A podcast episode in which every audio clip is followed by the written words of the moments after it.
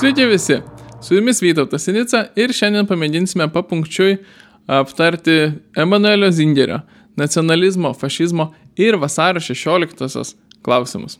Pirma, vasario 12 dieną Seimo narys Emanuelis Zingeris e, savo Facebook'e paskelbė suklastotą neva propatrijos įrašą, kuriame propatrija tariamai reiškia palaikymą kariniam perversmui Mianmare. Nei konkrečiai tokio įrašo, nei apskritai jokios propatrija publikacijos tokia tema nėra buvę.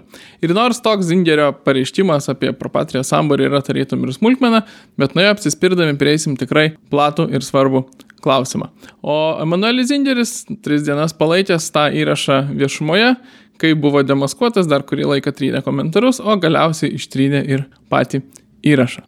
Tačiau antra, Šiame įraše paties Emanuelio Zingerio buvo parašyta, cituoju, bet koks nacionalizmas yra demokratijos priešas, stabdantis valstybės vystimasi.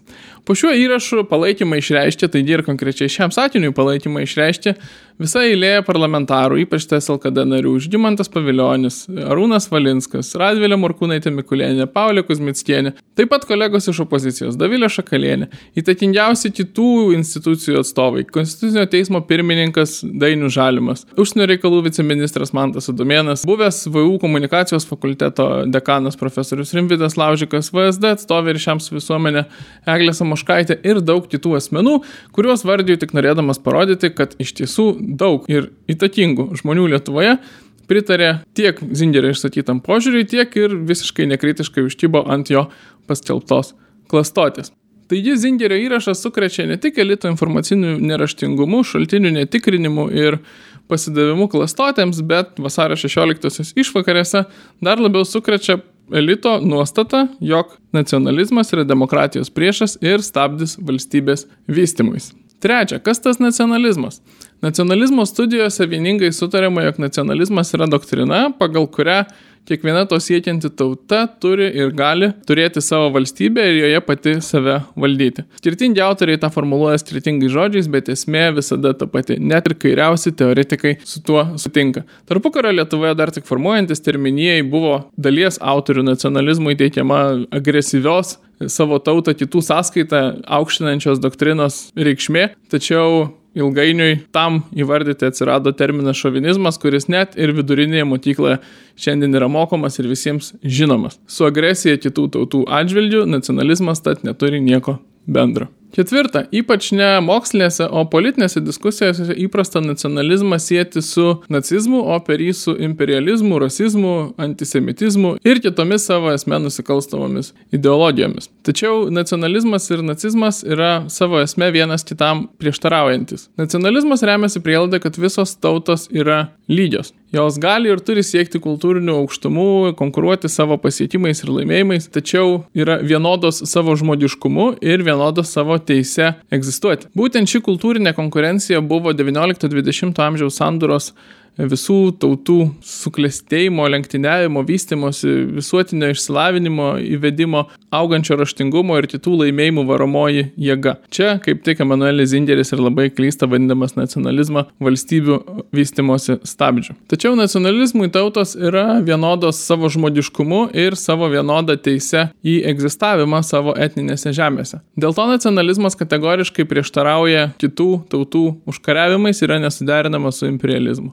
XIX amžiaus imperializmas, nors gal ir turėjo tautinės retorikos, tačiau visiškai nesiremė išdėstytų nacionalizmo principų. Nacizmas priešingai skirsto visas tautas į savotišką žmogiškumo hierarchiją, kurios apačioje žinome buvo žydai, o viršūnėje buvo arijai. Ši hierarchija kaip tik reiškia, kad vienas tautos turi teisę ir gali užkariauti ir net naikinti kitas tautas. Natūralu, nacizmas tad yra visiškai suderinamas su imperializmu, o taip pat ir su antisemitizmu, su kuriuo iš to, kas jau pasakyta, aišku, kad nacionalizmas visiškai nėra suderinamas.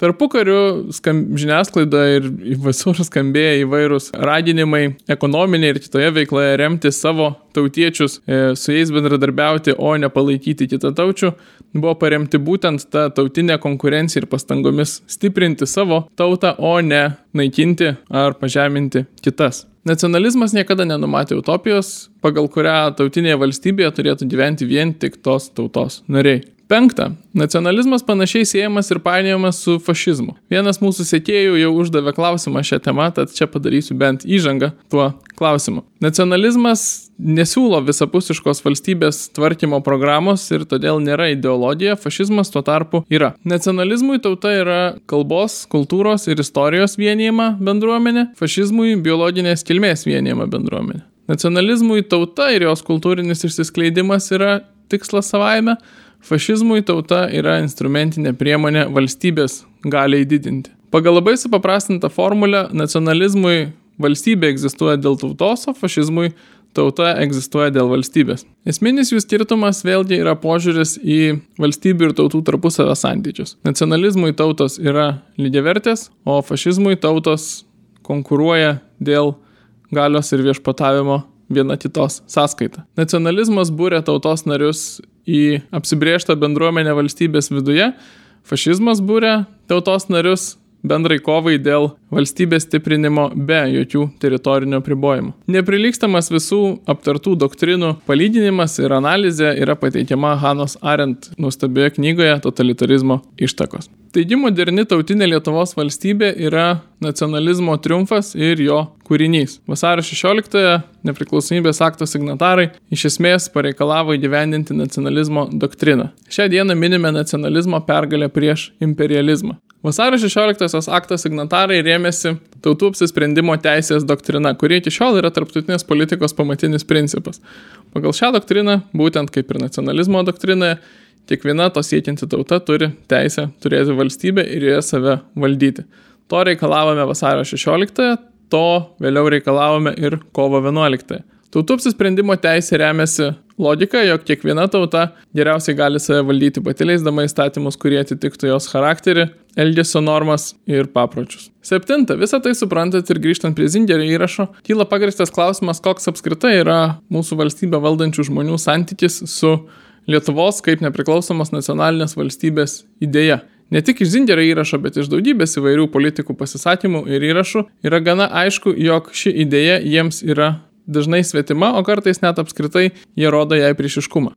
Nacionalinė valstybė jiems yra atgyvena, kurią akivaizdžiai reikia pakeisti kažkokiais, dar neaišku kokiais, tačiau ES projekto tarsi ir formuluojamais pakaitalais. Aštunta, priešiškumas Lietuvai kaip nacionaliniai valstybei ypač jaučiasi istorijos politikos rytyje, kurioje konkrečiai svarbu vaidmenį ir atlieka Emanuelis Zingeris. Nacionalinio išsivadavimo siekiai ir tam sudėtos aukos vis dažniau tampa abejotini ar net smerktini dėl vienų ar kitų aplinkybių herojai sąmoningai nuvainikuojami, kas vadinama kritiškų požiūrių į savo istoriją.